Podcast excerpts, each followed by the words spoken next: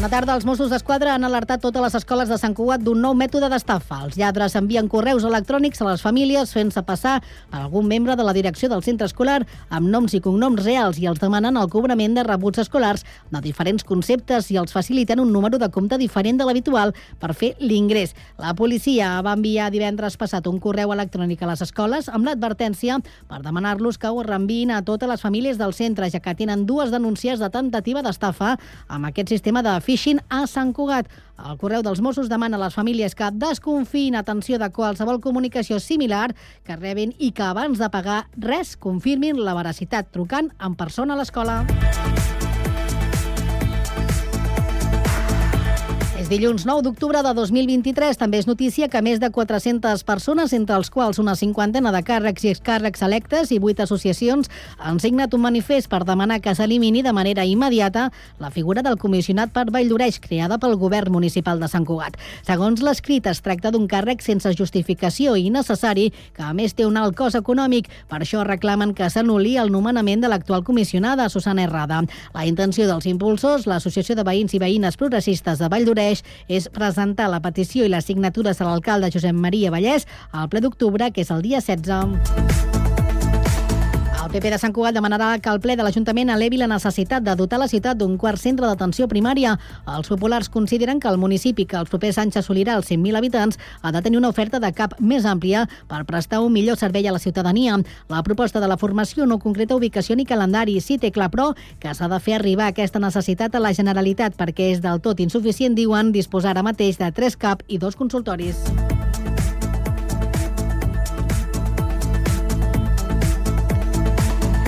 I també és notícia en la plana esportiva que el primer equip femení del júnior ha superat per 3 a 0 el Sardinero en maig corresponent a la jornada 4 de la divisió d'honor. Les sancoatenques terceres classificades han edificat el triomf amb una brilla en primera meitat on han sentenciat el maig amb dos gols de Laia, amb gols de Laia Vidosa de penal cornal, Carlota Petxamé i Tere Lima. Les blau i negres jugaran dijous jornada intersetmanal amb la visita del Taboriente si ser classificat. Res més per ara, la informació torna d'aquí una hora a la mateixa sintonia. Escolten Ràdio Sant Cugat i constantment a internet a www.cugat.cat.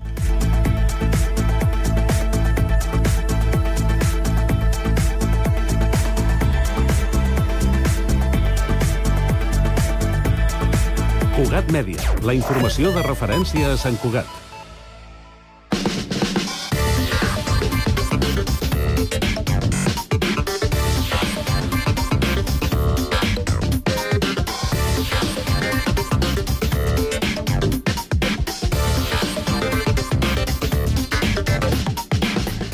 A les 5 de la tarda i 3 eh, minuts eh, reprenem el Connectats amb l'inici d'aquesta segona i última hora del Connectats de dilluns. Anem amb la informació de servei. Comencem pel trànsit. Jessica Rius, quina és la situació a aquesta hora de la tarda? Bona tarda. Bona tarda. Doncs ara mateix ens trobem amb la circulació amb retencions a la B10 i a la B20 al nus de la Trinitat en sentit nord. I això és tot segons ens informa el Servei Català de Trànsit. Doncs anem al Transmet per comprovar com està funcionant el transport públic. Albert Garram, bona tarda. Doncs eh, comencem la setmana amb un matí de dilluns tranquil on no destaquen alteracions significatives a la xarxa de transport públic de l'àrea de Barcelona. Així que, de moment, parlem de normalitat, on tant els trens, el metro i el bus funcionen sense cap tipus d'incidència. De moment això és tot des del Transmet.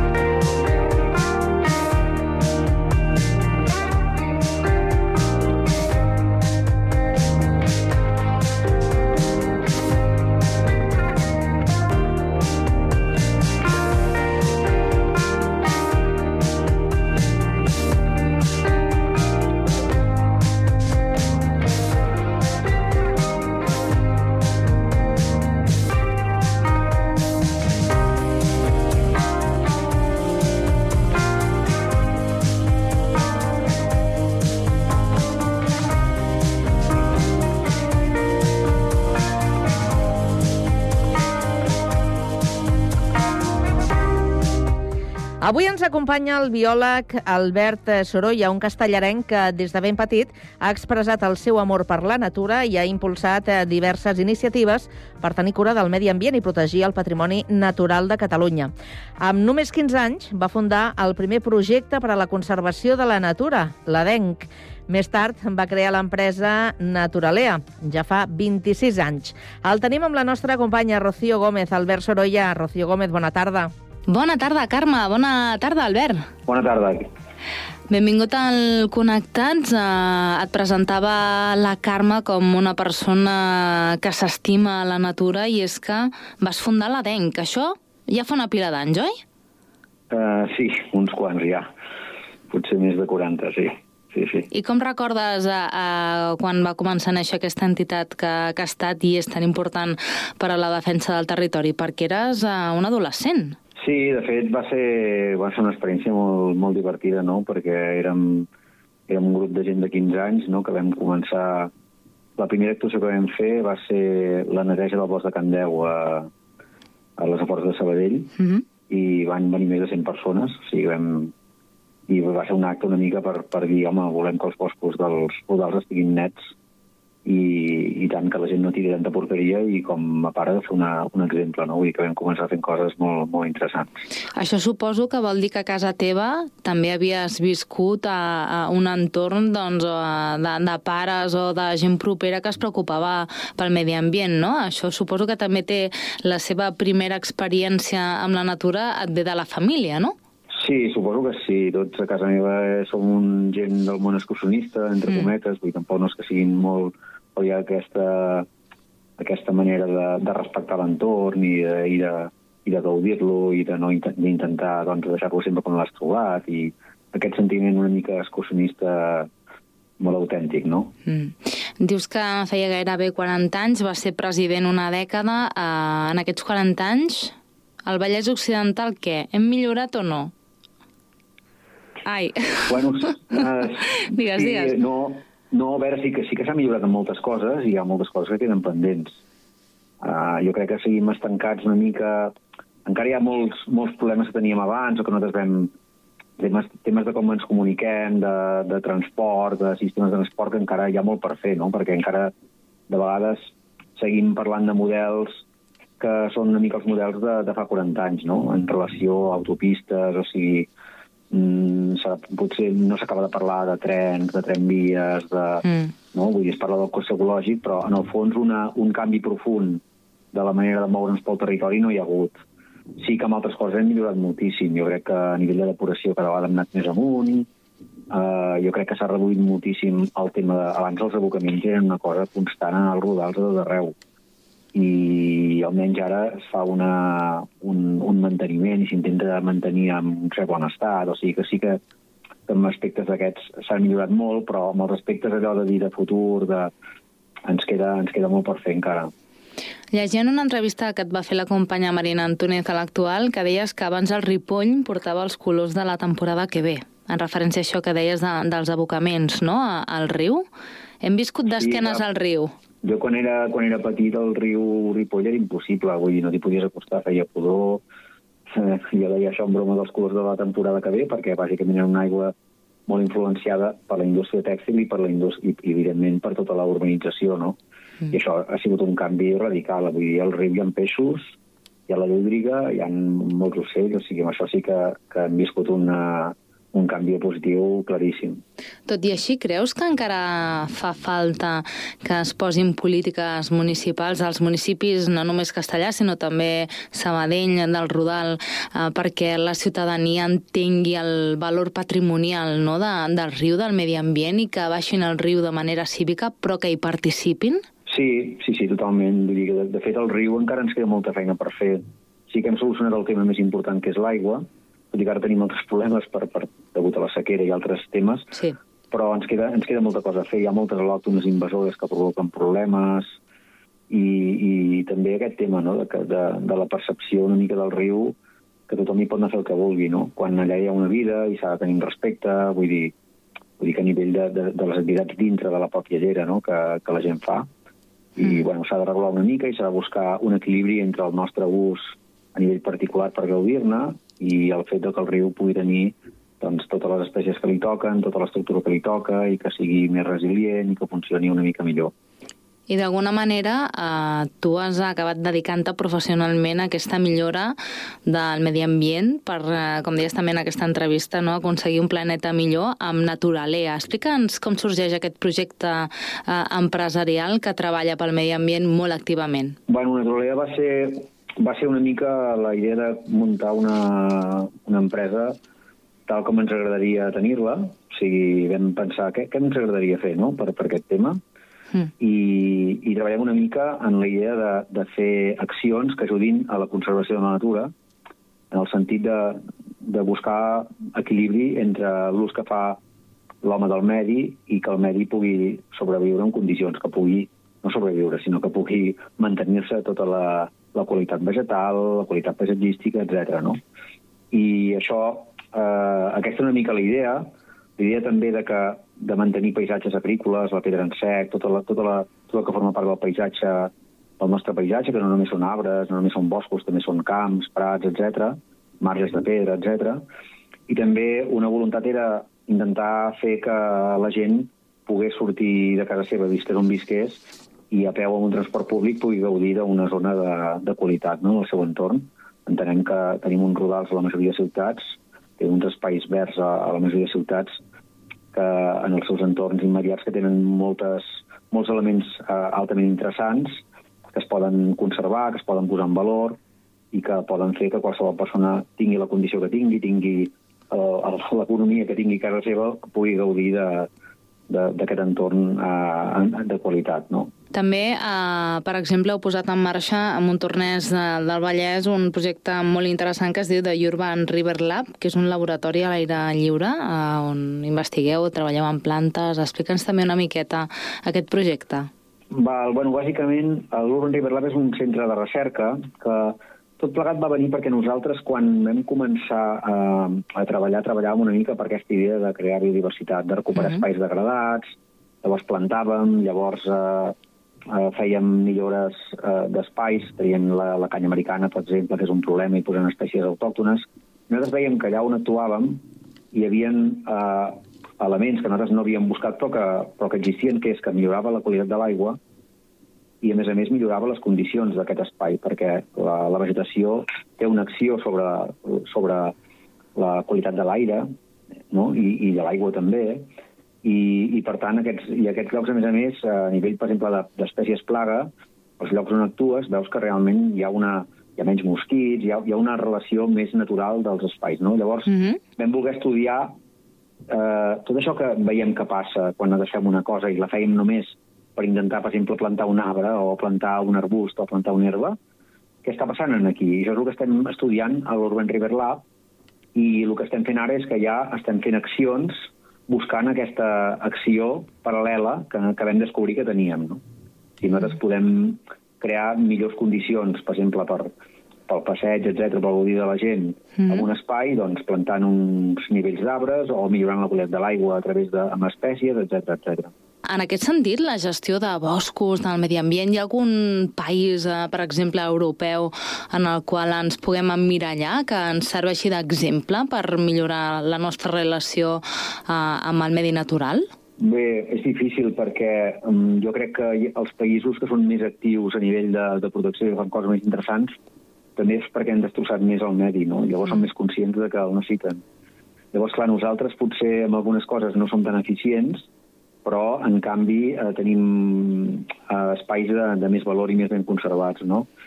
Llavors, en general, a tota Europa hi ha un procés i, i nosaltres en formem part, a nivell mm. català com a nivell estatal, d'aquest procés de, de cada vegada treballar més amb el que en diem solucions basades en la natura, que vol dir que, que intentem crear paisatges, intentem crear condicions que afavoreixin la biodiversitat i la vida de les persones.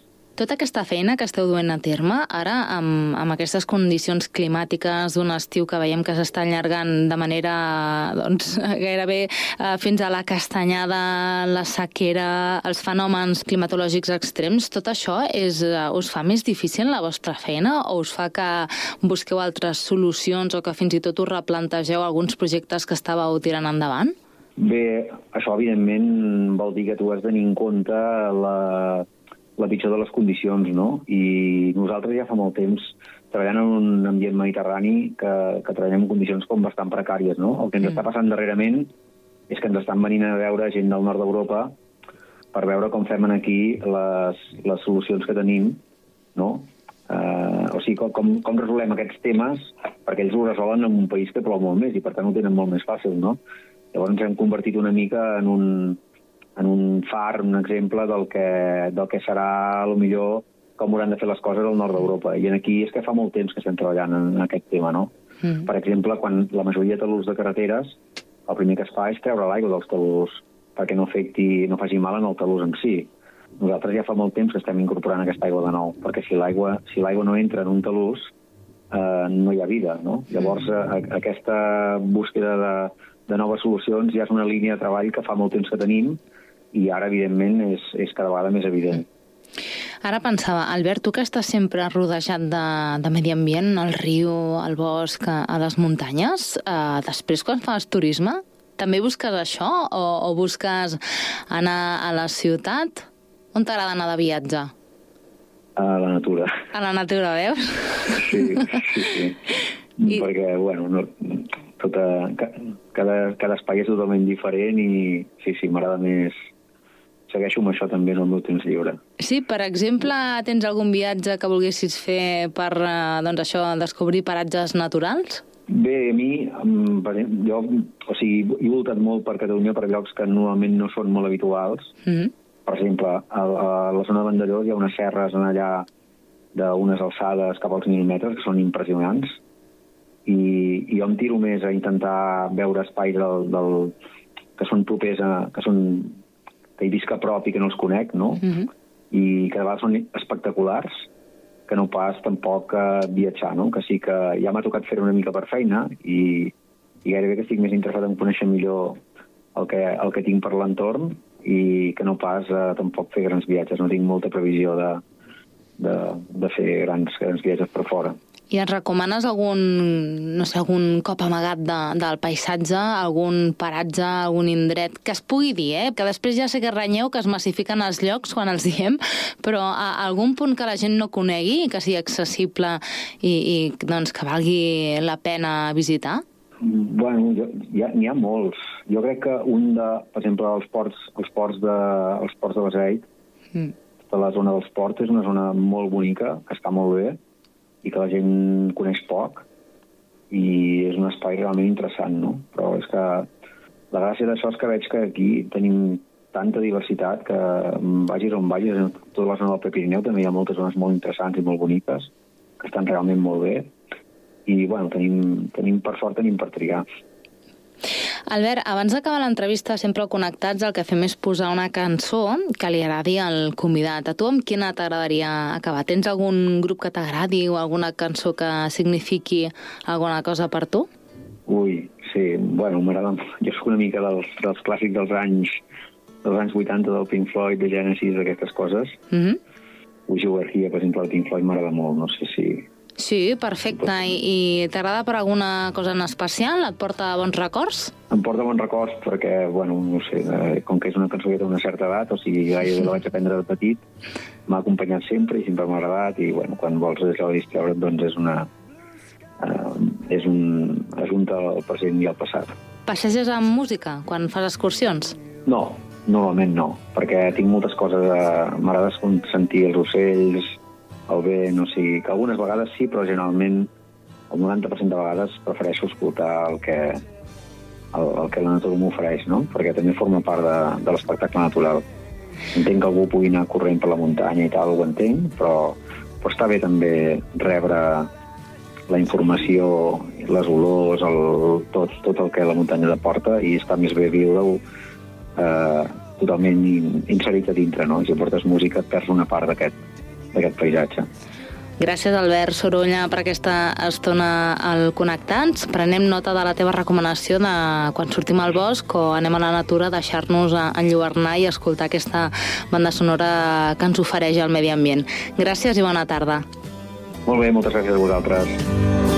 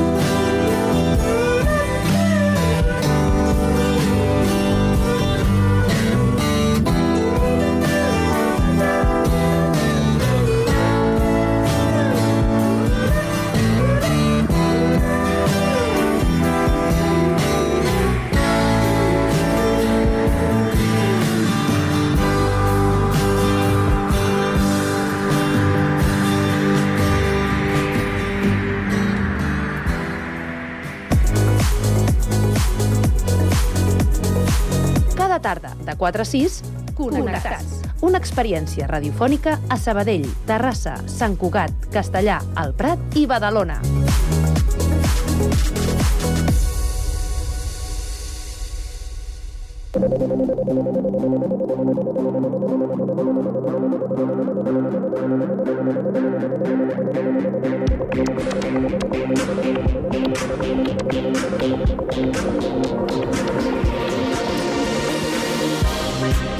Bé,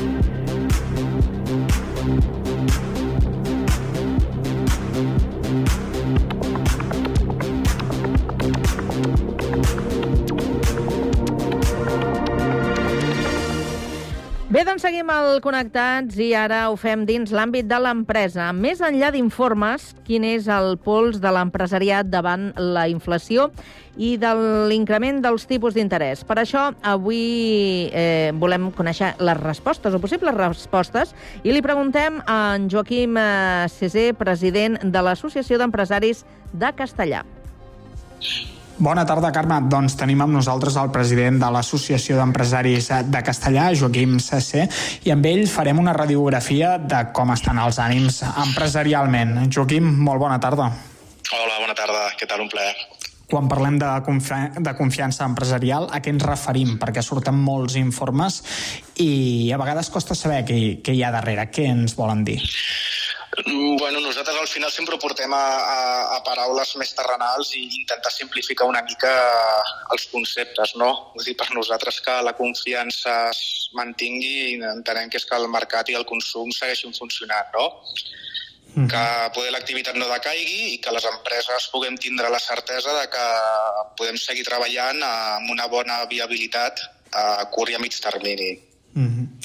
Vosaltres esteu força enganxats als telenotícies per saber què va passant al món, perquè tot això us afecta no, a les empreses. Per exemple, l'última és uh, aquest conflicte bèl·lic entre Hamas i Israel. A veure, uh, des d'un punt de vista d'empresa, això no... Vull dir, és diferent a Ucrània, no? Ucrània sí que era un gran productor de cereals i de matèries primes, i aquí sí que va repercutir, no? Vull dir, sobretot amb el tema d'acer i, i cereals, el subministre de, del resta d'indústries d'arreu del món. En aquest cas jo en, bueno, entenc que, el que els béns que pugui fabricar Israel per resta del món són més limitats i aquesta repercussió hauria de ser molt més limitada. No? El que sí que és veritat que aquest tipus de notícies el que fan és pues, generen, almenys a curt plaç, pues, generen certesa, inseguretat i que la gent percebi pues, que, bueno, que, que la, una decisió de compra a curt plaç, hosti, hosti, que estem en una guerra aquí, hem de vigilar, vull dir, és, és, són accions poder més, més psicològiques que no, que no d'un impacte real, no? però sí, sí, influeixen. Mm. Actualment com està la confiança empresarial?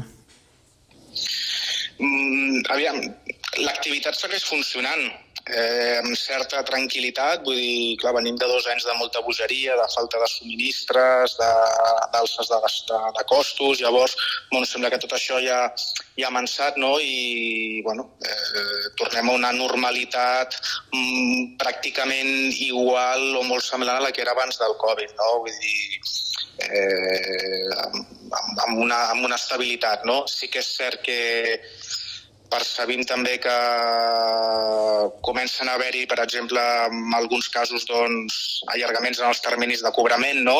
o inclús augments del, o identificació de ser impagats d'empreses als proveïdors. Això perquè, doncs, bueno, eh, mm, d'alguna manera podem entendre que l'augment dels interessos, un consum que, tot i que el, que el PIB de més hagin augmentat, no oblidem que aquí hi ha un efecte inflacionari molt important, no?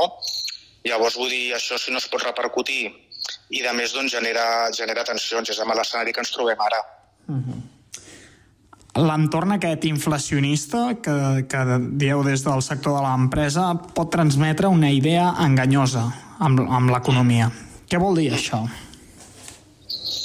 Bueno, doncs que aparentment si la gent percep que el PIB augmenta, no? doncs diu, hosti, doncs l'economia està creixent, però això això és irreal d'alguna manera, no? Vull dir, ficar-ho intentant dir en, en paraules bastant entenedores pel, per qui no és economista, eh, si els preus pugen, per defecte eh, s'està venent més, però que els preus pugin no vol dir que s'estiguin venent més unitats, no? i aquí és on està el problema. No?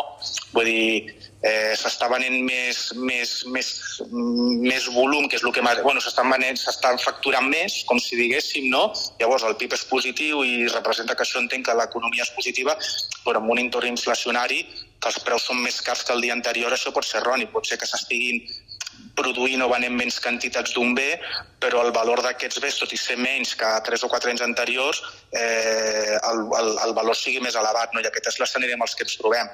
Això seria bo sempre i quan es pogués repercutir aquest augment dels preus a tota l'escala de valor.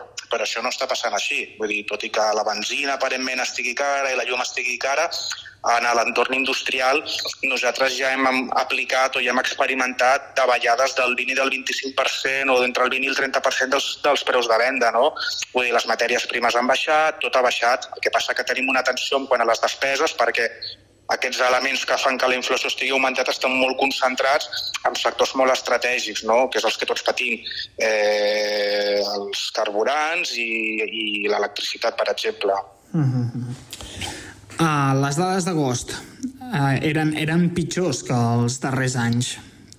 Ens hem d'alertar? Les, les empreses estan, estan alertades? En, en el món industrial, en principi, com que l'agost és un mes bastant inhàbil perquè moltes empreses tanquem, vull dir, no és un mes de referència, però sí que és cert que el setembre, que és el primer mes que engeguem, és el que diem. Eh, arrenquem setembre, on les empreses a l'agost han tingut despeses però no ingressos, i setembre és un bon mes per veure la solvència de les empreses, no? que és el que et dic. Vull dir, una empresa que té, que té una, una fortalesa econòmica doncs, passa l'agost encara no hagi facturat i el setembre arrenca bé. I el que estem notant aquest setembre, o el que hem notat aquest setembre és el que et deia, que hi ha empreses que han obert, que han aixecat la, com diem nosaltres, que han, que han, que han obert de nou després de vacances i s'estan trobant amb que tenen clients o que els estan allargant els pagaments o que no els estan pagant. Són casos puntuals, però ja és un símptoma de que, bueno, de que ja se respira un ambient de que hi ha empreses que no van bé, i això és significatiu. Uh -huh. Un, un altre tema, els crèdits al consum, que han crescut d'una manera considerable. Sí. Què ens indica això? Doncs que la gent amb l'estalvi que té, doncs moltes, les, les famílies que ja tenien estalvi, sembla que això ha, hi, ha, hi ha hagut algun informe últim, vull dir, em sembla que en els últims sis mesos ha hagut un, un gran consum de tot el que era, bueno, ha hagut una, des, o sigui, un, una utilització de molts dels estalvis que tenia la gent, no? Llavors, què vol dir? Pues que estem en un escenari, el que diem, que els preus estan augmentant i que moltes vegades amb els ingressos o les rentes recurrents no aconseguim fer front a les despeses. Llavors hem d'anar als estalvis. I quan s'acaben els estalvis, doncs els préstecs. El que passa que és com tot, no, no, no podem viure de, de, de préstecs per, per arribar cada mes a final de mes. No? Al final o aconseguim ajustar el, les despeses, els ingressos que tenim, o, o això no, no, és, no és sostenible, no? Mm -hmm. També és cert que amb l'augment dels tipus d'interès doncs, això també afecta el, això també afecta el consum i, i també afecta les empreses. No? Al final, pensa que bona part de les empreses al final financien el que és el circulant o el que és la seva activitat quotidiana. No? Vull dir, tu tens que suportar unes compres, tens que suportar, tens que pagar uns proveïdors, tens que esperar a cobrar d'uns clients i aquí es produeix un decalatge de tesoreria que això moltes vegades els bancs són els que s'encarreguen els que s'encarreguen de donar suport a l'empresa, no? Clar, si abans per, per poder mantenir aquesta activitat l'interès era molt baix i això està pujant ara, què vol dir? Que una empresa per poder mantenir l'activitat està pagant molts més interessos, amb la qual també fa que la viabilitat de l'empresa eh, directament disminueixi, no? perquè té que destinar molta més liquiditat o molt més resultat de la, de la seva activitat a, a, a pagar-li el banc perquè li deixi aquells mateixos diners que feia dos anys no li costaven res, doncs ara aquells diners li costen molts més diners per poder mantenir l'activitat, no? amb la qual això també hem d'estar molt a la white perquè igual que afecta al consum i als particulars, l'empresa també és molt sensible a aquests augments dels tipus d'interès. No? I això és una cosa que, que si bé és bona ara, perquè té que passar, perquè hem d'intentar, o sigui, hem de revertir la inflació, pensem que entre inflació i una crisi, la inflació és molt pitjor, no? perquè l'augment continuat dels preus eh, no és sostenible, vull dir, perquè els sous no poden augmentar aquest nivell ni les empreses poden pagar aquests augments de sous, no? vull dir, això és completament inviable.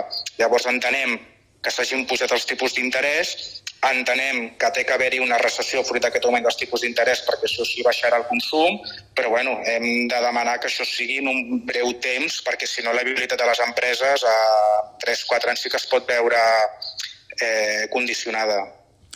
Com a president de l'Associació d'Empresaris de Castellà, quines són les preocupacions principals que perceps entre els associats?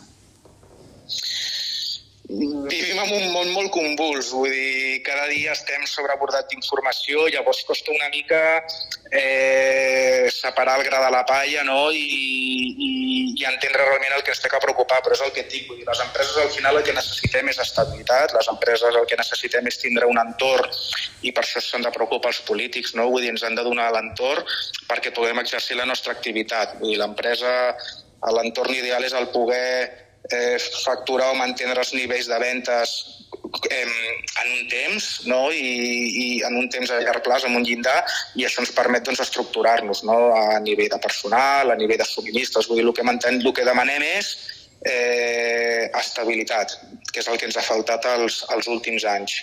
Uh -huh. Joaquim Sasser, president de l'Associació d'Empresaris de Castellà, moltíssimes gràcies per atendre'ns i per aclarir-nos una mica més com està tota la situació i com l'esteu vivint des de, des de les empreses. Molt bé, moltes gràcies a vosaltres. Moltes gràcies i, i molt bona tarda. I molt bona tarda a tu també, Carme.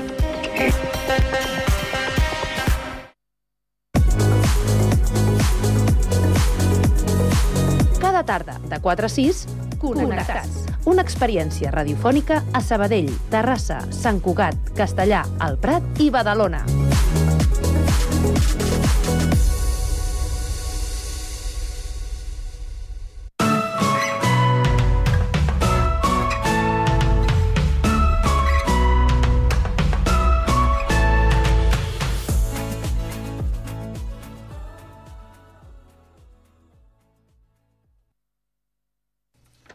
Tal dia com avui de l'any 1940 va néixer el cantant, guitarrista i compositor John Lennon a Liverpool.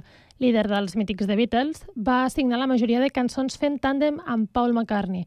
Activista pacifista, va morir assassinat al 1980 després d'haver creat, i en solitari, himnes com Imagine o Happy Christmas, War is Over. Té una versió de Stand By Me que també va sonar molt. Algunes crítiques lamentaven que es guardava les cançons bones que no eren plenament reivindicatives com aquest Move Over Miss L.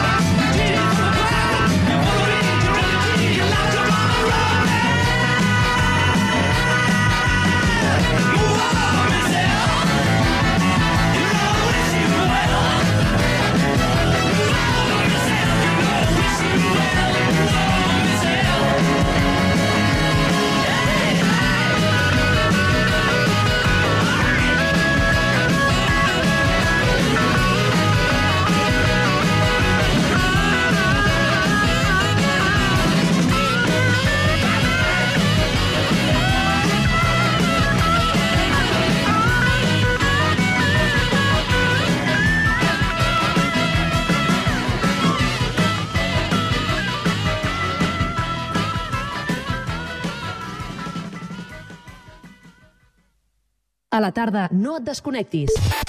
A la teva ràdio local, connectats. Can't touch this. You can't touch this.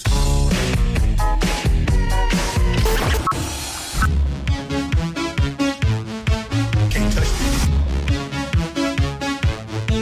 Can't touch this. Connectats amb Carme Rebell.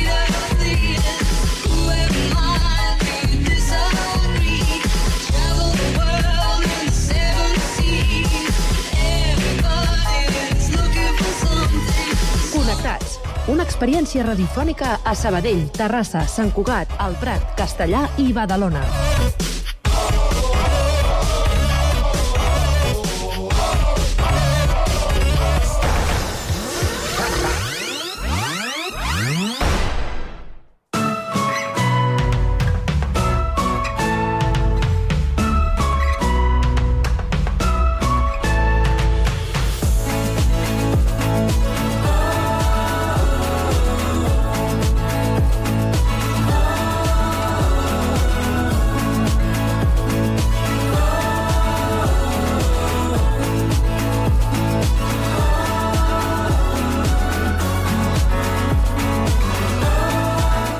La xarxa municipal de biblioteques de Badalona s'uneix al projecte Harry Potter Book Day que se celebra demà a tot el món. Una iniciativa cultural que permet als més petits endinsar-se per un dia al món fantàstic de l'autora J.K. Rowling. Avui al Connectats parlem sobre com es viurà aquesta jornada a Badalona, de la mà de les bibliotecàries Regina Jiménez i Alicia Martínez. Molt bona tarda, Regina, Alicia, com esteu? Bona tarda. Bona tarda. Bona tarda. També saludem a la nostra companya Andrea Romera, que es troba als estudis de Ràdio Ciutat de Badalona. Andrea, bona tarda. Bona tarda, Carme. Bé, doncs avui parlem d'una iniciativa que m'imagino que engresca sobretot a, als seguidors de, de Harry Potter, dels seus llibres, de les seves eh, pel·lícules, eh, gent, podríem dir, més jove i també més grans. Ja, ara ens explicareu una mica qui pot participar i tot això. Però d'entrada, Regina, el Harry Potter Book Day és un esdeveniment eh, internacional, com hem explicat, que convoca l'editorial eh, Bloomsbury, la que va publicar uh -huh. tots els llibres de la saga de, de, la, de J.K. Rowling. Eh, en què consisteix aquesta iniciativa? Bueno, bàsicament, eh, quan fem el Harry, mm, Harry Potter Book Day, el que, és, el que fem és eh, ambientem el que és un espai de la, de la biblioteca o, o ambientes el que hagis decidit ambientar i, i, sen- i fem les activitats que des de la mateixa mm, editorial ens envien. Les adaptem per, segons les nostres necessitats i llavors doncs, doncs les realitzem. Mm, també pot ajudar a, a incentivar la lectura entre, entre els més petits, Sí, no? sí, per suposat. Eh, tot el que fem a les biblioteques és per incentivar la lectura perquè els més petits de seguida s'engresquin i, i vulguin vindre a diari a, a veure'ns. Uh -huh.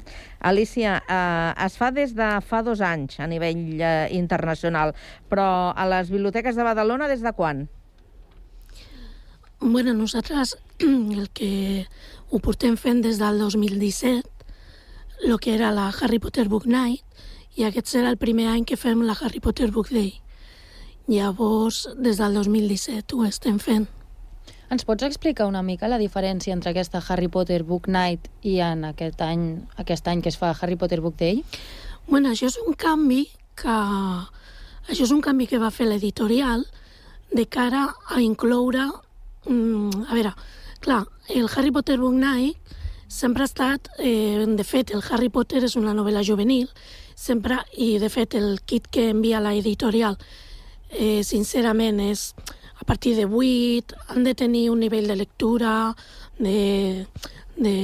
d'autonomia per poder fer les tasques que, que es fan i els jocs que els comprenguin i els puguin fer bé. Llavors, normalment és a partir de 8. tal, tal. El que passa que aquest any l'editorial ha, ampliat, ha volgut ampliar una miqueta perquè s'incorporin més les famílies en nens més petits i que puguin participar d'aquesta gran festa, perquè és molt maca, la veritat. Recordes quantes biblioteques badalonines hi participaven? Al principi has dit que el 2017 veu començar vosaltres. Sí, no, bueno, no, van començar tots alhora, les sis biblioteques. Van començar a fer el Harry Potter Book Night i érem les sis biblioteques que ho fèiem. Aquest any s'ha sumat alguna biblioteca? Ha anat creixent el nombre de biblioteques que, que fan aquesta iniciativa o seguiu sent les mateixes des del principi? Bueno, de, de Badalona, vols dir? Sí, de Badalona. Estem totes, som sis biblioteques, inclosa la, la central nostra, i des del principi hem estat les sis.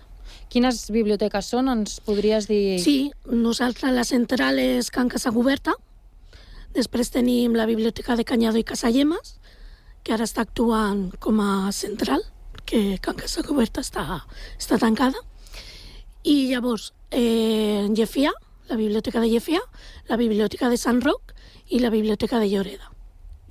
Des de la vostra experiència de totes les biblioteques que porteu fent aquesta activitat des de fa molts anys, després de tant de temps que sortissin els llibres i també les pel·lícules de Harry Potter, que ja fa més de 25 anys que va Sí. sortir el, el primer llibre, La pedra filosofal, l'univers Harry Potter continua tenint aquest èxit, aquest, això entre els més petits, entre les noves generacions? És increïble, perquè això jo també m'ho he pensat moltes vegades, de dir, realment cal que aquest any ho fem? Però sí, sí, és que la gent ho demana. A part, és que es fa una quantitat de...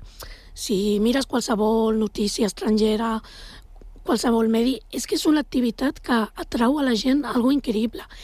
I a més a més, clar, tot s'ha de dir que gràcies a l'editorial Bloomsbury, que és la que ha diguem-ne que, que és la que ha incentivat tot això amb això del Harry Potter Book Night.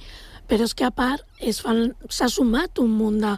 Aquí a Barcelona, per exemple, les galeries Malau també fan un munt d'activitats del Harry Potter, llibreries... Eh, bueno, és que a tot arreu es fa alguna activitat. És, és...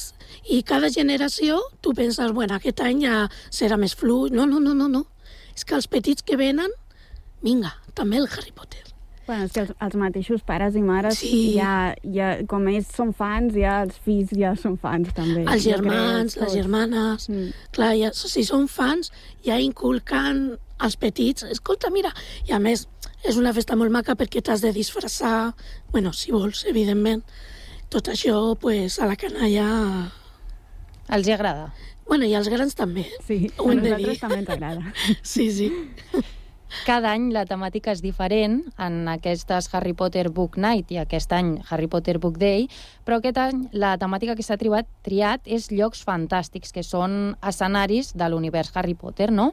Com es fa aquesta triada temàtica? És des de la mateixa editorial que trien i us envien el que s'ha de fer? Com funciona? Sí, normalment l'editorial envia el, el kit que, de, que ens envien, ho envien un mes abans. No, no pots saber de què anirà ni res. Però un parell de mesos abans, per exemple, pues, eh, te, em, a la seva pàgina publiquen de quin anirà el tema que anirà aquell any la Harry Potter, no? Llavors tu ja tens una idea i quan ja t'arriba el book, el kit, que t'arriba en anglès, pues llavors ja, ja vas a, a tope. a por ello. O sigui, fins i tot l'organització, Regina, manté aquest secretisme, no? aquest misteri que tenen les mateixes pel·lícules i llibres. Sí, sí, totalment. Eh, també ho fa més divertit a l'hora de- d'organitzar-ho, de, de fer-ho i, i així doncs penses que pot ser això o allò. Doncs aquest any ha, ha tocat un tema molt xulo, que és Jocs Màgics, i, i la veritat és que ens ha donat molt de joc. Sabem quins escenaris màgics podrem veure demà a les biblioteques de Badalona? Sabem el nostre escenari màgic, que serà la tenda de l'Olivanders. Ens Eh. pots, per si algú... Jo, per exemple, sóc molt friqui de Harry Potter, per tant Mhm. sé què és, Val. però potser algú dels nostres oients no ho sap. A veure si ens ho pots explicar. Val, La botiga de l'Olivanders és on, on van tots els bruixots, bruixotes, eh, a, a, bueno, a triar la, a buscar la seva vareta màgica. I no, és, no són ells qui trien, sinó que és la vareta el, qui els tria ells. Per què heu triat aquest escenari? bueno, perquè com a lloc màgic jo crec que dona bastant joc. A més, és... Mm, sí, jo penso que quan si penses en Harry Potter, si està... quins jocs t'agradarien veure, jo crec que la botiga on pots tindre la teva vareta, doncs A més és a més, ells. faig un incís. A més a més, també, diguem-ne, eh, quan comença el Harry Potter, quan ja passen el, fan el viatge cap a Hogwarts, el primer que fan és anar al carrer Diagon, Mm. Diagon a, a comprar els materials que necessiten. Llavors, clar, la vareta és essencial. I bueno, Sí. vam pensar que estaria guai. Sí, que, que era un lloc que era un lloc xulo per fer. Sí. És com una mica quan un nen comença al col·le, no?, i va comprar-se Sí. la bata, l'estoig i tot, doncs ells van allà i es compren el que necessiten i una d'aquestes coses és justament La la, vareta. la, la vareta. Mm -hmm. Ens podeu fer, Alicia, 5 cèntims del que passarà demà al Centre Cultural al Carme, que és el lloc on vosaltres feu aquesta activitat del Harry Potter Book Day? Bueno, els, tota la gent que vulgui venir, bueno, hi ha inscripció, eh? Però tota la gent que vulgui venir serà un... Ho hem fet amb el cor i esperem que sigui un dia molt màgic, sense entrar en redundància de, del tema, però eh, bueno, faran un viatge inicial i després pues, explotarà un món màgic de diversió i de... A veure, és que clar, nosaltres li posarem també les ganes, no? També quan, quan ets petit i és explotar una mica la imaginació. No, nosaltres no deixem d'estar en una biblioteca, no estarem a l'estudi Warner Bros. Hem de jugar amb la nostra imaginació, amb la seva imaginació, i serà, doncs, això, jugar, introduir-los dins a, aquest, a, a través de la paraula, de...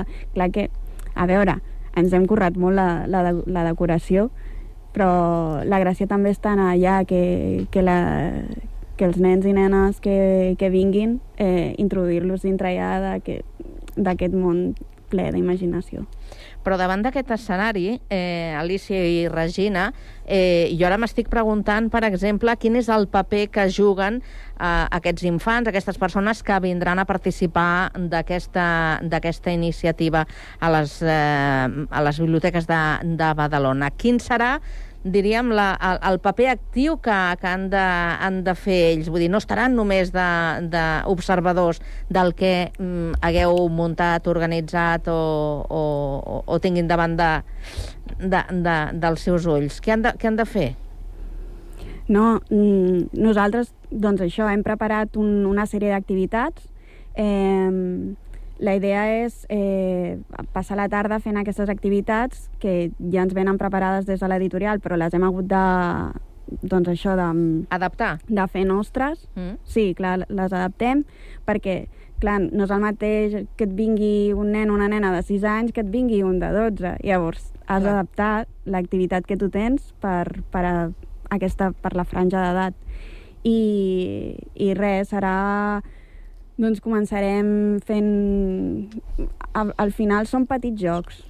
És, és, mm. és una mica sorpresa, volem que sigui sorpresa i que s'ho trobin, però és, és realitzar jocs a través del... També hi ha, hi ha moltes activitats d'escriure, però també de resoldre sopa de lletres, mm. Mm, coses així. I ho hauran de fer, dibuix. ho hauran de fer diríem, individualment eh, o interrelacionaran entre ells, encara que no es coneguin? La nostra idea és que, és que sí, que, que juguin en equip, que Val. Juguin en equip perquè el, eh, quan... Bueno, una de les coses que farem és que eh, farem lo de, el, el barret que tria, llavors tindran cadascú serà d'una d'una casa. Llavors jugaran entre cases. Mm. Abans comentàveu que les famílies també tindran presència, si volen, els pares en aquestes activitats. Els pares també podran, podran deixar-se triar pel barret, podran fer activitats? Com anirà? A veure, els muggles, que són els pares, Els muggles, Els muggles- especifiquem, són aquelles persones que no són que mags. no són màgiques. Llavors, ells estan condemnats a no viure la màgia. Però que si volen, els podem invitar a presenciar-ho. Però realment qui ho ha de gaudir són els mags i bruixots i bruixotes que, que vindran. El format serà alguna mena de gimcam amb guanyadors? No. És que... Guanya tothom.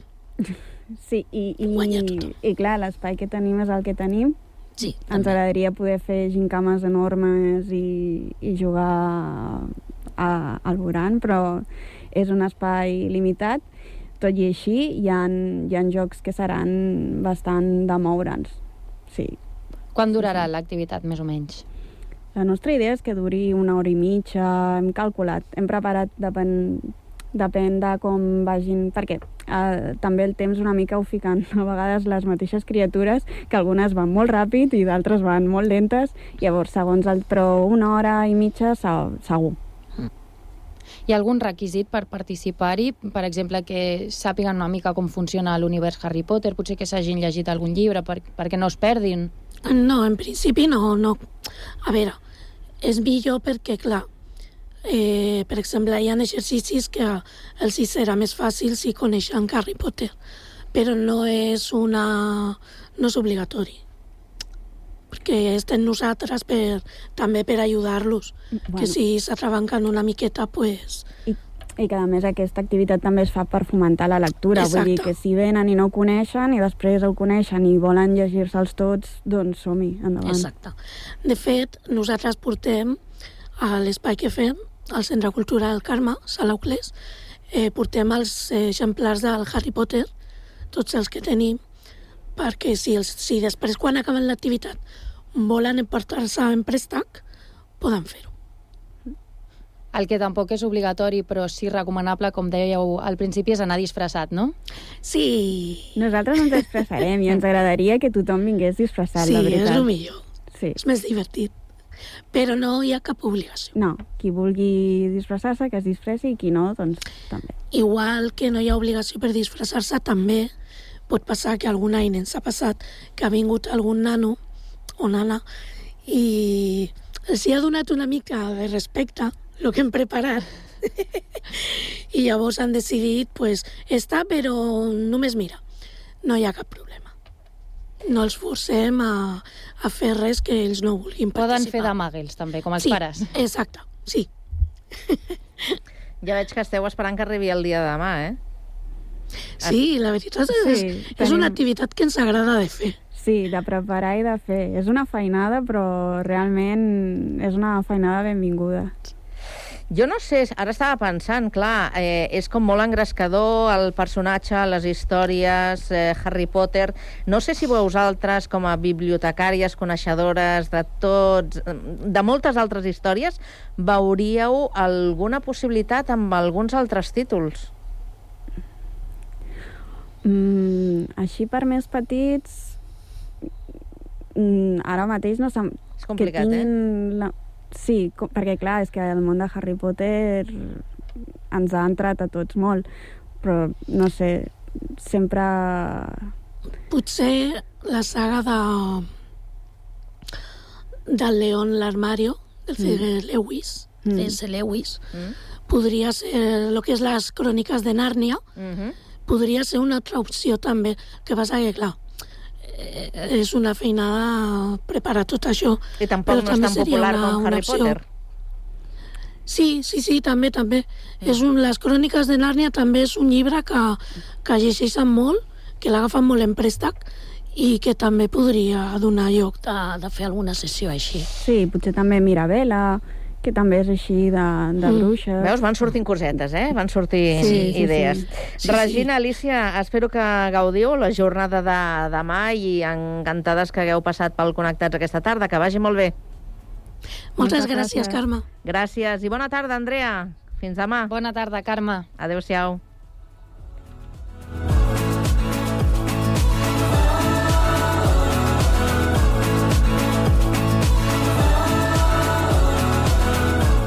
Fins aquí arriba aquesta edició de dilluns del Connectats. Hem obert una nova setmana i demà continuarem. Edició de dimarts d'aquest programa. Gràcies a tots. Us esperem a partir de les 4 i 3 minuts. Adéu-siau.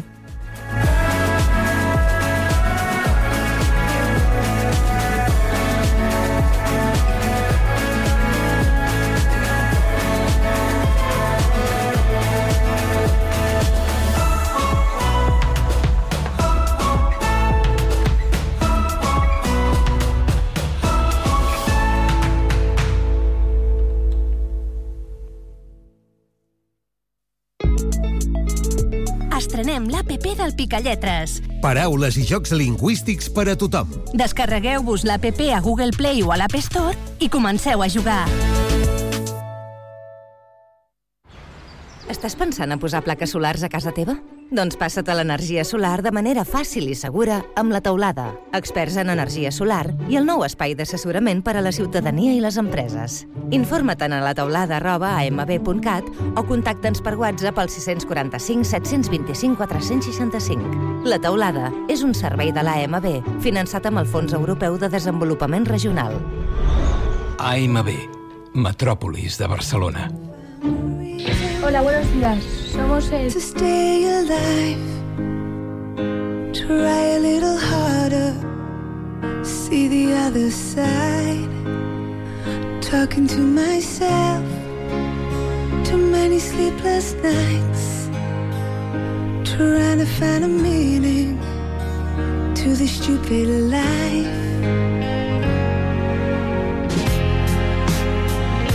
I don't want your sympathy.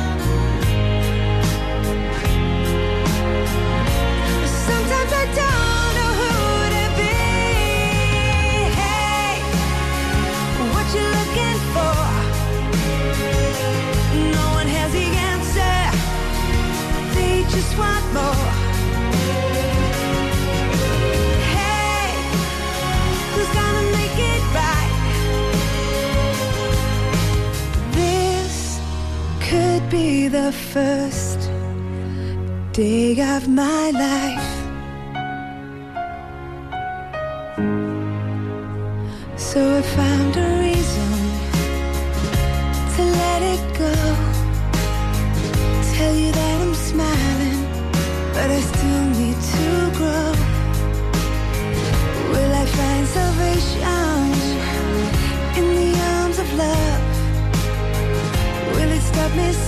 watching